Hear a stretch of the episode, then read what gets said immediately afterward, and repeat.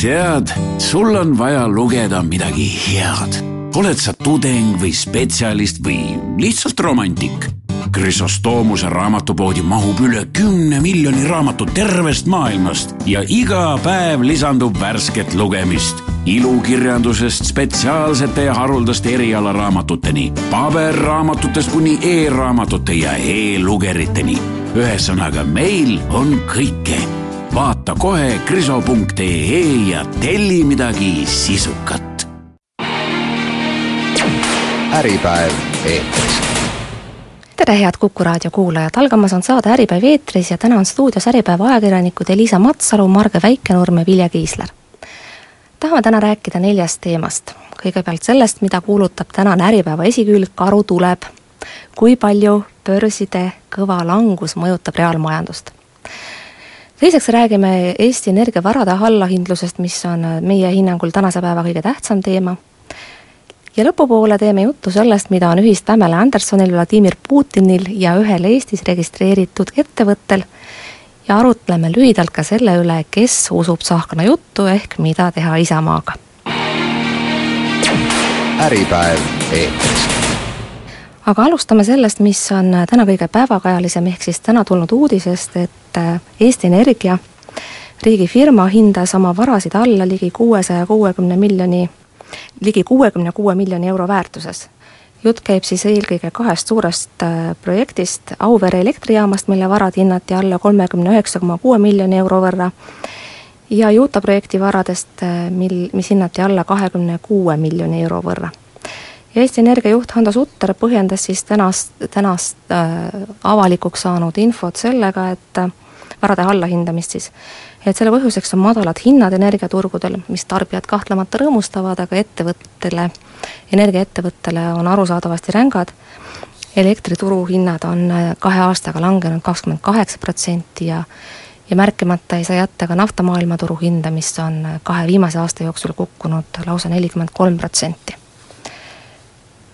Mõtleme nüüd äh, järele selle üle, et mida see iseenesest tähendab noh, kõigepealt mõjutab see arusaadavasti eh, dividendide maksmise võimekust, mida Sutter juba tunnistas ka otsesõnu. Eesti Energia teatavasti riigiettevõttena annab olulise panuse riigieelarvesse dividendidena. missuguseks see summa täpsemalt kujuneb, seda noh, kui palju need dividendid siis oodatust võiksid väiksemaks jääda, seda, sellest täna veel ei räägita, sellepärast et see varade allahindamise otsus kajastub alles äh, käesoleva kahe, kajastub kahekümne eelmise aasta siis viimase kvartali majandustulemustes, mis nagu ma aru sain, on praeguse seisuga veel kinnitamata vist lõplikult, eks ole. ja Sutter lubas siis, et otseselt kahjumit ei, ei peaks see siiski kaasa tooma, kuigi mõned analüütikud ja ajakirjanikud juba ennustasid, et, et nii see läheb samas midagi üllatavat ka otseselt ei ole, et kuna juba mitu aastat on sellest äh, räägitud, et varade allahindamine on ees et siin on isegi minu meelest suuremaid allahindamisi ennustatud, kui praegu välja tulnud on. Jah, tegelikult Eesti Energia ajaloos endas on ka üks äh, varasem päris oluline allahindamine, minu meelest jäi see, kui ma õigesti mäletan, siis äh, selle aastatuhande algusesse, kuskil kaks tuhat üks vist oli see, ja siis, siis olid need allahindamised veel tõepoolest suuremad. aga see on küll väga täpne märge, märkamine, et äh, tegelikult väga suurt uudist siin ei ole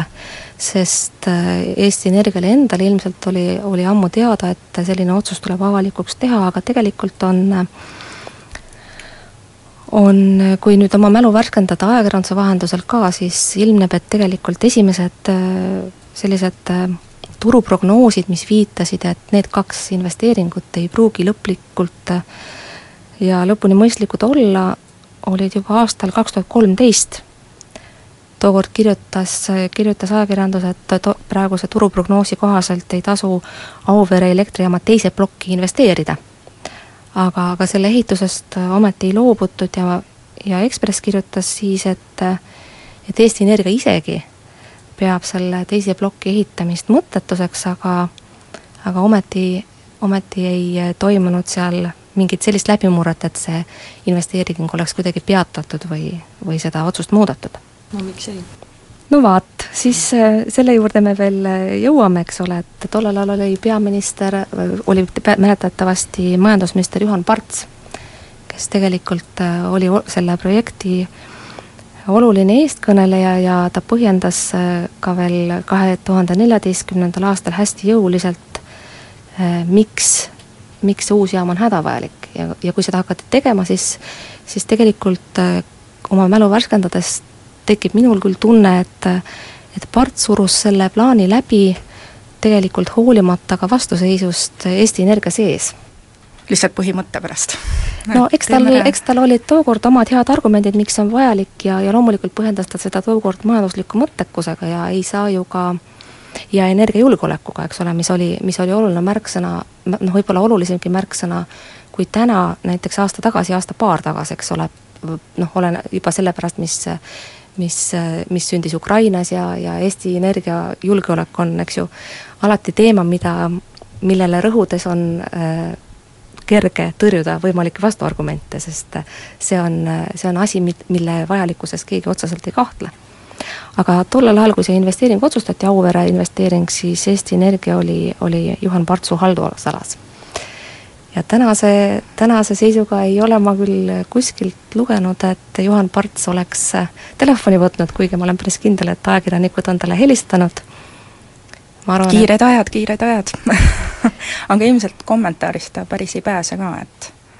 ilmselt tuleb anda. no küllap ta lõpuks saadakse kätte ja kindlasti ta põhjendab oma otsust, mõnes mõttes võiks ju Juhan Partsist hakata isegi kahju, sellepärast et äh,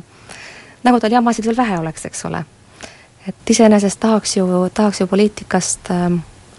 taanduda nii-öelda väärikalt, nagu, nagu Jürgen Ligi rõhutab, et selline väärikalt taandumise võimalus võiks ju olla, aga kontrollikotta minekul on ees tema majandusministriks olemise ajal tehtud otsused Sten Valeri asjus, mis mis mäletatavasti siis tänaseks on jõudnud seisu, kus Estonian Airi enam ei ole ja selle asemel on tulnud teine, teine riigifirma, mis kelgib sellega, et lennud toimuvad. Nojah, samas kui tal kogu aeg neid jamasid enda sellest ministriajast muudkui esile tuleb, siis noh, minul enam ei ole väga kahju. Ju siis tulevad ikkagi põhjusega need asjad, et sai tehtud valesid otsuseid. Või lihtsalt halbasid. Noh, seda on, seda on võib-olla keeruline niimoodi otse öelda, et kas tingimata valesid või halbasid, sest kindlasti, kindlasti tegi Parts neid äh, otsuseid tollel ajal. Noh, ma usun, et ta ikkagi tookord uskus sellesse, mida ta tegi. aga täiesti selge on see, et, äh, et täna tema käest seda küsitakse. ja see, need küsimused on talle kindlasti ebamugavad sest, äh, sest tahtmine Eestist ära minna Euroopa Kontrollikotta on suur ja, ja pärast Estonian Airi on Partsi suhtes tegelikult tekkinud juba selline natukene negatiivne foon. et, äh, et neid, neid probleeme, mis tema majandusminister olemise ajal on tekkinud ja nüüdseks ilmseks saanud, on, on peale Estonian Airi siis ka needsamad Auvere investeeringud. äripäev eetris Äripäev eetris läheb edasi nende samadega, kes olid enne stuudios, ehk siis Liisa Matsalu, Marge Väike-Norma, Vilja Kiisler, rääkisime just Eesti Energia varade allahindamisest ja näitasime näpuga Juhan Partsile, nagu tal neid hädasid siiamaani veel vähe oleks.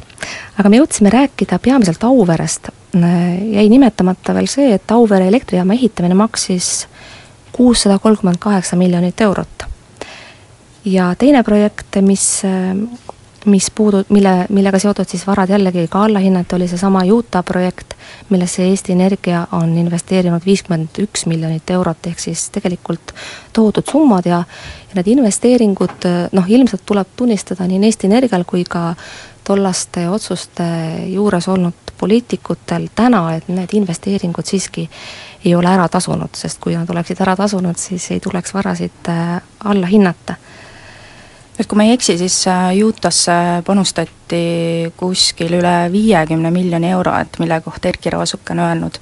et äh, praegusel hetkel ta kindlasti seda investeeringut ei oleks teinud.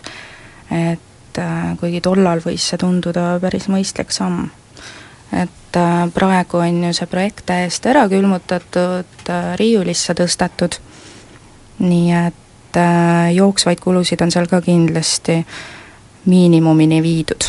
et noh, eeldatavasti jah, aga siiski ütleme, et see raha on seal all siiski kinni, eks ole, projekt on külmutatud, midagi ei toimu, palju teha ei saa, püsikulud võivad olla küll väiksed, aga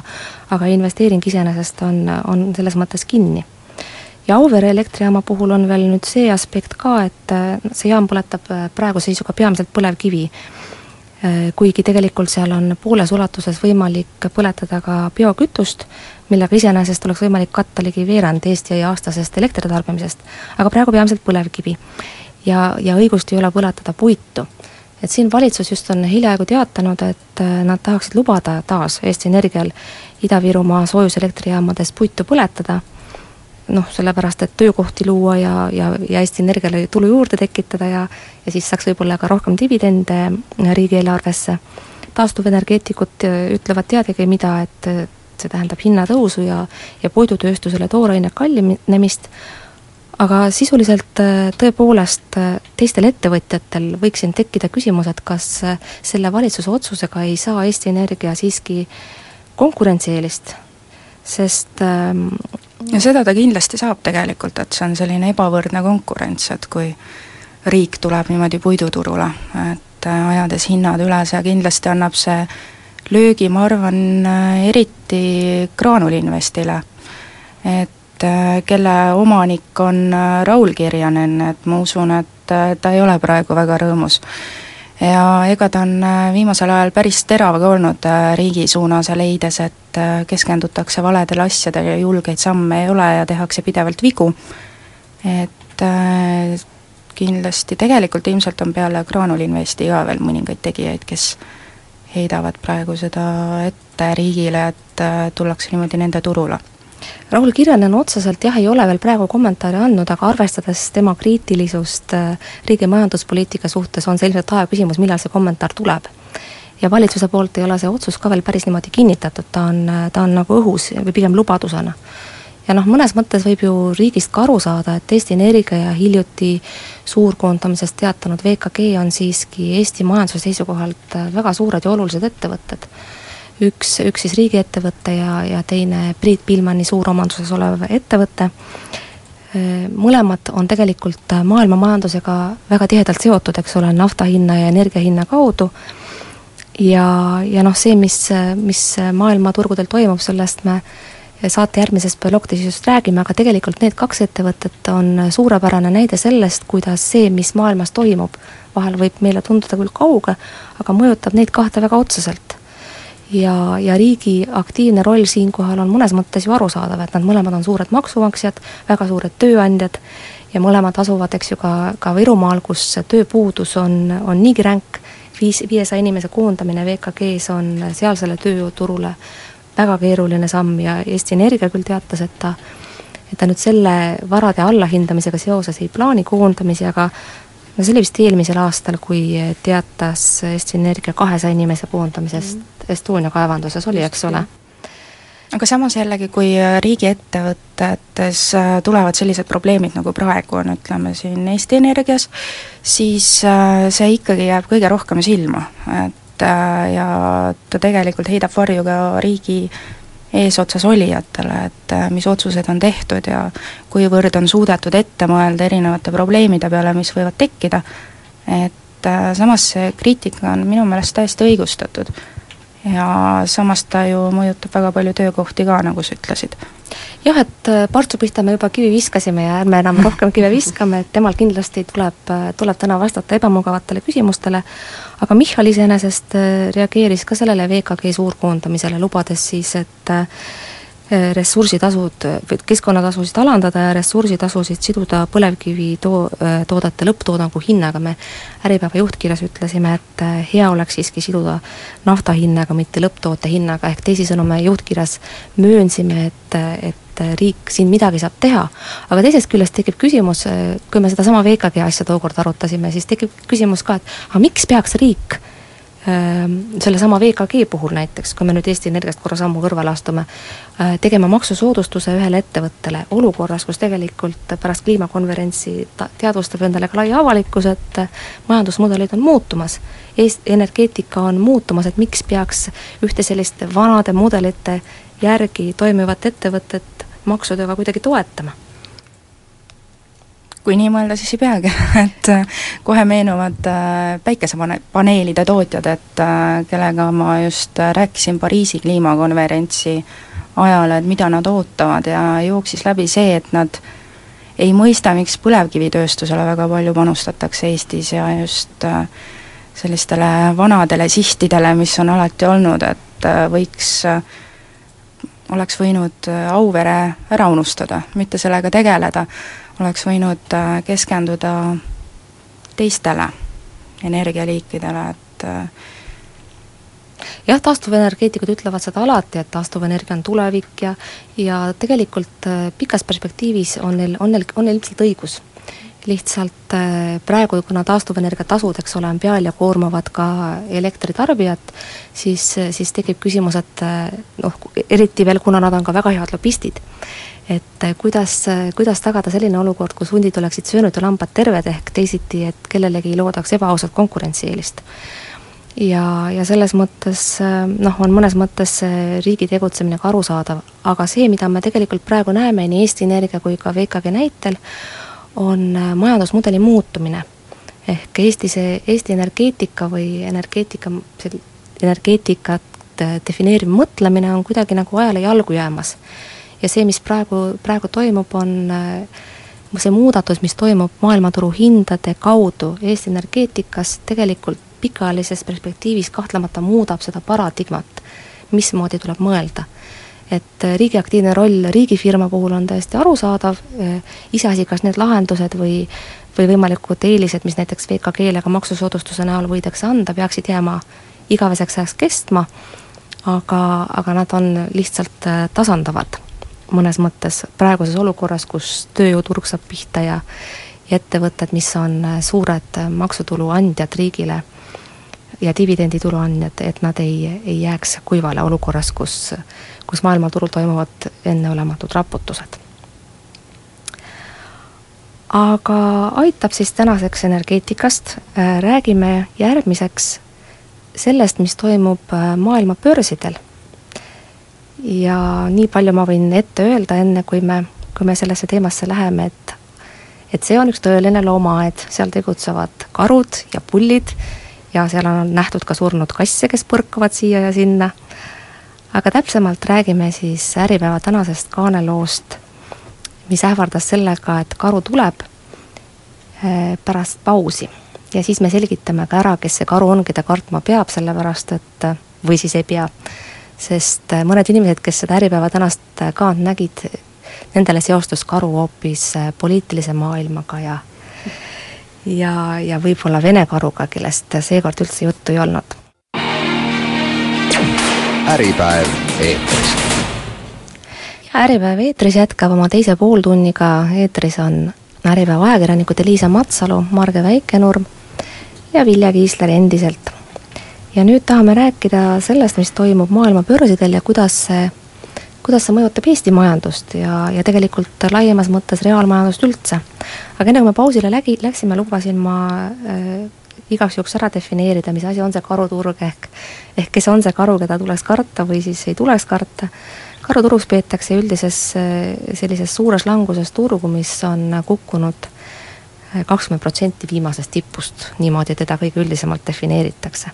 ja see on asi, mis on maailma aktsiaturgudel selle aasta alguses juba juhtunud. aga Liisa, sina nüüd rääkisid analüütikutega, kes kes avaldasid siis arvamust selle kohta, mida võiks see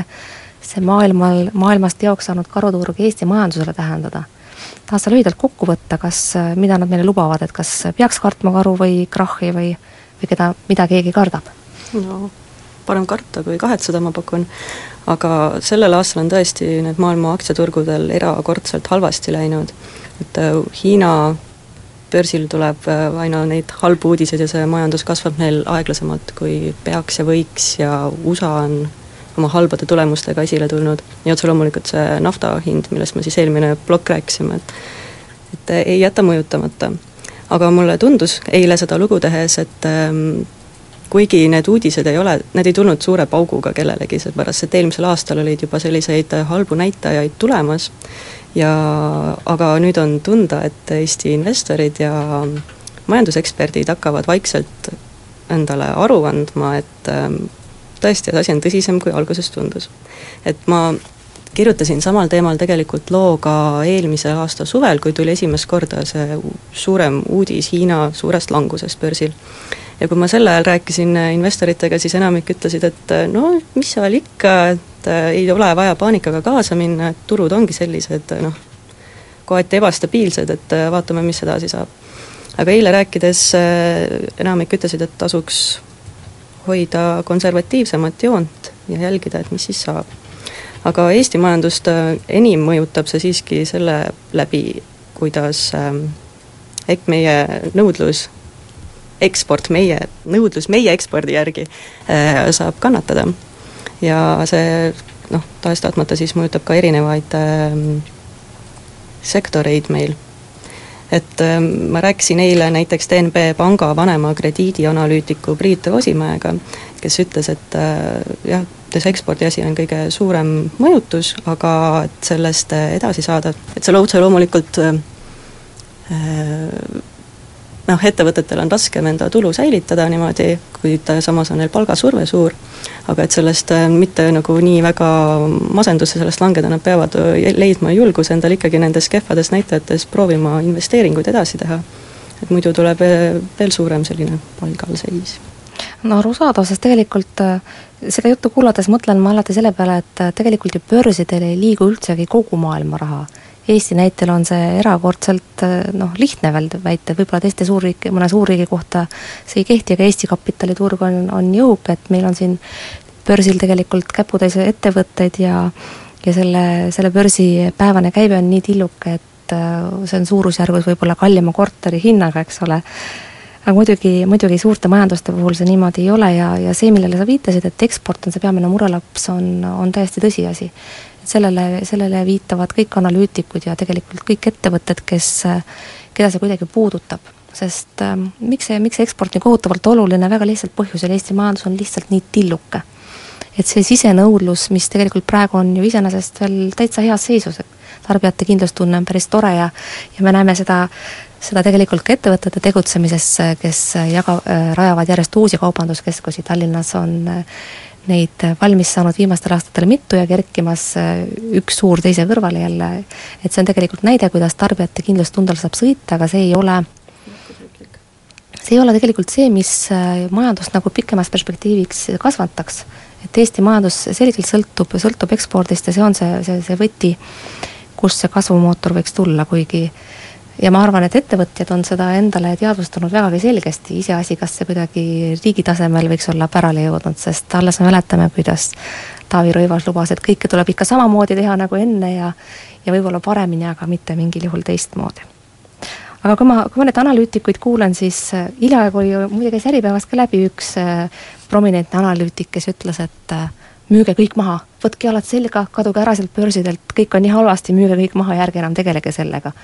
et kui ma selliseid, selliseid paanika õhutajaid kuulen, siis mul tekib küll küsimus, et kas ei ole umbes nõnda nagu kui karjapoiss hüüdis, et äh, hunt tuleb ja kolm korda hüüdis, aga vaat siis, kui hunt päriselt tuli, siis enam keegi teda ei kuulanud mm. -hmm. eks ta ikka niimoodi ole, et investorid, kellega ma eile rääkisin, näiteks Kristjan Lepikuga ja Rene Ilvesega, et tegelikult keegi otseselt ei usu, et tuleb suur börsikrahh, kuigi nad ikkagi nendivad, et olukord on halb, et ma arvan, et sellist paanikat ei tasu absoluutselt külvata. et äh, noh, nagu see näide, mis ma rääk-, tõin, et kuidas ma eelmisel aastal rääkisin nendega, et äh, ma arvan, et tegelikult on see eestlastel tore omadus, et nad äh, vaikselt võtavad ja vaatavad, et mis seis on ja et äkki tõesti noh, ei pea kohe maha müüma siin ja kohe iga paanikaga kaasa jooksma. aga enamik neist soovitas siiski ikkagi pikemaajalisi investeeringuid teha, kui siis siin hakata niimoodi vaikselt igapäevaturgudel mängima. no investorite seisukohalt oleks tervemõistuslik käitumine pigem see, et langust kasutada pigem ostmiseks, eks ole mm., ja noh, ja, ja müüa tipus, eks ole, mis on klassikaline põhimõte, aga üldreegel nii-öelda aga muidugi selle järgmine võib olla üsna keeruline, kui sa näed, kuidas su raha parasjagu heleda leegiga põleb ja ja teine probleem on ju ka see, et kui kõik tahaksid korraga müüa, siis kes ostab? börsil on ikkagi niimoodi, et müüa on võimalik siis, kui keegi ikka osta ka tahab ja mulle meeldis tegelikult, mis ütles Kristjan Hänni täna Ärilehele, et selliste ennustustega, mis lubavad krahhi, on umbes nii nagu kunagise ütlusega, et näed, tšuksid teevad palju puid, küllap tuleb külm talv. ja et ta viitas ka sellele, et irvhambad on jõudnud juba prognoosida ka negatiivset nafta hinda, sest kes seda sodi ikka viitsib tasuta koristada aga noh, tegelikult eh, irvhammastega me ei peaks kaasa minema selles mõttes, et vot sa viitasid ka Hiinale, eks ole. -hmm et Hiina on tegelikult see koht, kust, kust need pahad asjad pihta hakkasid. mis praegu börsidel toimuvad ja ja juba on toimunud. ehk teisisõnu, see on tegelikult, Hiina on see koht, kus äh, reaalmajandus ja börsid väga äh, sellisel representatiivsel viisil on kokku saanud et kui me arutame börside mõju rea-, reaalmajandusele, siis tegelikult see, mis börsidel toimuma hakkas, sai väga olulise tõuke just nimelt Hiinast, eks, ehk reaalmajandusest, mille, mille kasv jäi, jäi eelmisel aastal väiksemaks, kui oli prognoositud, ja tegelikult esimesed numbrid, hoiatavad numbrid, see muutus oli, oli üsna väikene, aga lihtsalt see Hiina majandus on nii palju suur, et ta mõjutab äh, isegi väikese, väikese numbri korral Äh, tervet majandust ja, ja praeguseks on see muutus juba ka palju suurem. aga pessimistidele lohutuseks, et nafta hind hakkas juba täna natukene tõusma, sellepärast et paljud investorid kasutasid madalaid hindu ostmiseks, Brenti toornafta näiteks jõusis, tõusis täna mm, lausa kolm koma null viis protsenti, siis kahekümne üheksale dollarile barreli eest, mis mis ei ole siis kaugeltki veel seal seisus, kuhu, kuhu kõige pessimistlikumad analüütikud lubasid teda lange, langeda, kahekümne peale. aga pikemas perspektiivis on ikkagi, analüütikud ütlevad, et äh, vaevalt ta nüüd äh, tagasi tõusma hakkab kokkuvõttes, vaid et äh, ikkagi jätkab langust pigem. tõena-, jaa, ma, mida ma tahtsin just öelda, et see on, see on lühiajaline edu. ja miks, miks sellest teemast nii palju räägitakse ja miks see puudutab igaühte, on tegelikult tõsiasi, et kahe tuhande kaheksanda aasta kriis on inimesed tohutult ettevaatlikuks teinud. see, mis siis juhtus, mõjutas igaühte, mõjutas Viimseni ja muutis tegelikult paradigmasid ja see on muutus, millega kohanemine mõnes mõttes kestab ikkagi siiamaani. et kardetakse, kardetakse selle suure krahi kordumist, tegelikult ajalugu ei kordu kunagi samal viisil, kui see kord on olnud, kordub teistmoodi ja, ja mõnikord ka farsina aga see lihtsalt näitab, miks, miks inimesed sellest, seda teemat jälgivad ja, ja miks see läheb korda. aga siinkohal teeme jälle väikese pausi ja siis räägime väga natukene poliitikast, sest seda me lubasime, ja siis räägime ühest äh, toredast sellisest meelelahutuslikust loost, mis seob omavahel Pamela Andersoni, Vladimir Putin ja ühe Eestis registreeritud firma. äripäev eetris ja Äripäeva saate viimane veerandik pühendab natukene tähelepanu Margus Sak-, Tsahknale ja IRL-ile, nagu me lubasime. pikalt me sellele ei peatu, sest me leiame, et IRL ja Margus Tsahkna on tähelepanu saanud juba niigi küllalt, aga, aga eesmärk, et end eestlaseks pidavaid inimesi võiks olla peagi kaks miljonit, leidis tegelikult ootamatult jaheda vastuvõttu, kuigi kõlada võis ju toredalt. miks see, miks see võis niimoodi olla, et avalik ruum jäi väga irooniliseks ja, ja jahedaks ja isegi üleolevaks no kuivõrd tõsiselt saab seda üldse võtta, et äh, minu arust IRL on rääkinud nii palju teemadel pagulaste vastu ja enne on neid tulnud äh, neid äh, ideid, kuidas naised peaksid äh, sünnitusmasinad olema, et ma ei tea, ma seda lugesin, siis ma ei võta sellist lauset tõsiselt, et ma ei näe seal mitte mingisugust reaalset plaani taga. tegelikult mitte midagi uut ei olnud kuulda, et see oli kuidagi nii igav ja nii tavaline ja selline, selline nagu ettevaatlik nagu kohustuslik kõne mulle tundus. Tsahknaga on minu meelest peamiselt see lugu, et kui ta räägiks seda, mida ta päriselt mõtleb, siis tuleks välja ilmselt midagi muud. aga kuna ta peab kogu aeg mõtlema selle peale, et alles jääksid need valijad, need vähesed valijad, kes tal juba on, ja et märatsema ei hakkaks oma erakonna liikmed, mis sa seal ütlesid, kuidas sa ütlesid, kas sa päriselt ka nii mõtlesid. ja valijatest ilma ei jääks. see on ilmselt nagu kõigil erakondadel ikkagi praegu päris oluline, et äh, täna ju jooksis ka läbi uudis, kus äh, räägiti, et näiteks Reformierakond on kaotanud tunduvalt valijaid ja EKRE on jällegi juurde võitnud selle aasta jooksul. jah, see oli vist et... uudis, kus IRL jäeti üldse tähelepanuta, jah. jah, veel hullem et eks see näitab ka, et tegelikult tahetakse valijatest kinni hoida ja ei olda võib-olla kindel, et kuidas siis peaks oma sõnumit kajastama või millist sõnumit kajastama, et võita positiivset tähelepanu just enda mõistes. jah, et Tsahkna puhul tegelikult jäigi häirima just see, et ta tegelikult püstitas minu meelest äärmiselt olulise küsimuse, vajaduse defineerida eestlust uuesti. see on väga võimas ülesande püstitus. aga kui sa püstitad nii võimsa ülesande, siis peaks sul olema ka julgust sellele küsimusele ise vastata. ja küsimusele vastata Tsahkna ei suutnud, vähemasti mitte veenvalt. aga jätame IRL-i ja räägi, räägime räägime sellest samast Pamela Andersoni Putini Eesti loost, mille Marge, sina kirjutasid Äripäeva luubi loos reedel viimati. Ja jutt käis siis ühest viimase topsaja ettevõttest, mis suurendas käivet kõige rohkem, eks ole, lausa viis korda, üks vana metalli- ja jäätmete kaubandusega tegelev ettevõte, mille omanikud on venelased, Andrei Balašov ja Ildar Neverov, ettevõte on registreeritud Tallinnas, kontorit pole seal, peakontor on Moskvas, aga selle loo peategelane tegelikult äh, võiks öelda, ei ole siis, ei ole siis nimetatud venelased ega Putin ega Anderson, vaid peategelane on hoopis üks punane poi. jaa, ja väga ilus punane poi, mis on tuttav meile kõigile rannavalvest et kes siis mäletab ilusaid üheksakümnendaid, kus sai teleka ees seda vaadatud, kuidas Pamela Anderson siis äh, ruttas oma punase poiga appi hätta sattunutele. ja seesama poi müüdi Ildar Neverovile. et äh, kelle kohta tuleb välja, et seesama Moskvas tegutsev meesterahvas on siis sellesama viis korda käivet kasvatanud metalliettevõtte omanik ja juht et äh, kui ma hakkasin seda lugu alguses tegema, siis äh, see ettevõte ei olnud midagi, nimed nende taga, Andrei Balašov ja Ildar Neverov ütlesid veel vähem, et äh, väga üllatav oli niimoodi vaikselt uurima hakates, et äh, et neil on äh, seos äh, Putiniga, neil on seos, nagu mainitud, Pamela Andersoniga, mis andis natukene veidi sellist lõbusust asjale juurde, kuigi see äh, poi ost oli mõeldud ikkagi heategevusena. Läinud sügisel, kus äh, Nevero maksis nelikümmend tuhat eurot selle eest, et äh, Kaug-Ida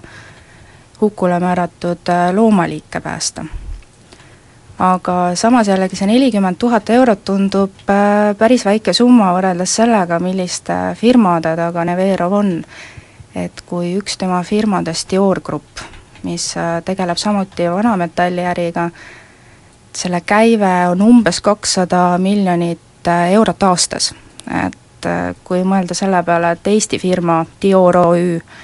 käive on selle kõrval kolmkümmend üheksa miljonit ja kasum äh, väga väike, nelikümmend viis tuhat eurot, siis on see ikkagi päris suur vahe. ja näitab tegelikult minu meelest väga hästi ka, et Neverov ei ole selline väike ärimees.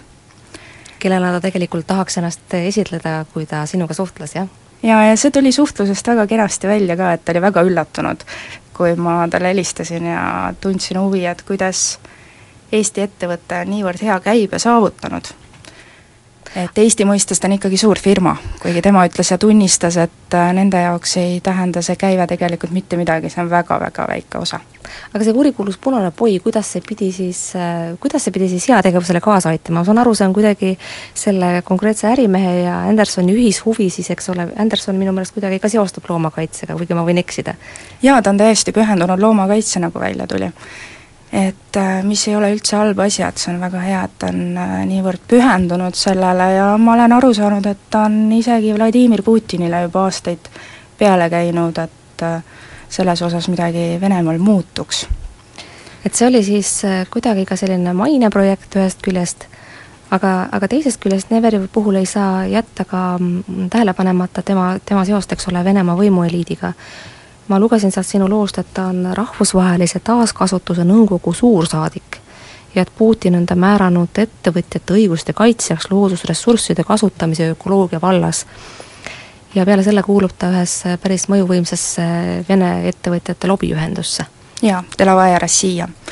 et äh, mida ei tasu üldse alahinnata, seal on äh, ühendatud, kui ma nüüd õigesti mäletan, seitsekümmend üks regiooni mis on ikkagi päris suur number, arvestades Venemaa suurust, et äh, ja nad äh, teevad väga tihedat koostööd tegelikult äh, Vene valitsusega.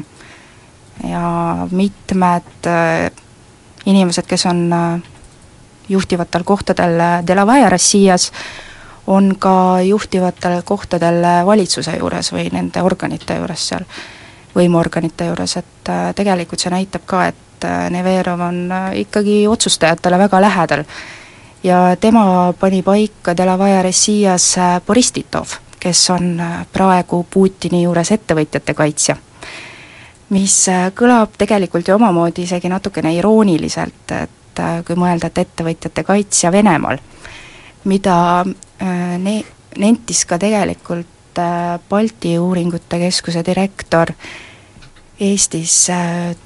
Vladimir Juškin, kui sellest teemast rääkides ta tõdes, et tegelikult ei, Venemaal ju ettevõtete ja ettevõtjate kaitset ei ole. et siit tuleb välja ka Neverovi puhul, kus ta on sõna võtnud ja öelnud, et valitsusega sõbrustamiseks on täiesti erinevad viisid võimalikud mis tähendab siis tegelikult Lobiühendus. seda, et, et, et sinu lugu tõi päevavalguse ette ühe ettevõtja, kes, kes on tegelikult Äripäeva top sajas, eks ole. ta on ja, ja tu-, väga tugev käigekasvataja, ometi Tallinnas on kontor ja siin ta ei tegutse, et tegelikult äh, tõi, tõi päevavalgele sellise ettevõtja, kelle olemasolust me siin ilmselt varem üldse midagi ei teadnud ei teadnud meie ja ei tea tegelikult ka teised vanametalli ettevõtted alates ühest suurimast kuusakoskist, kellele ei öelnud see nimi mitte midagi ja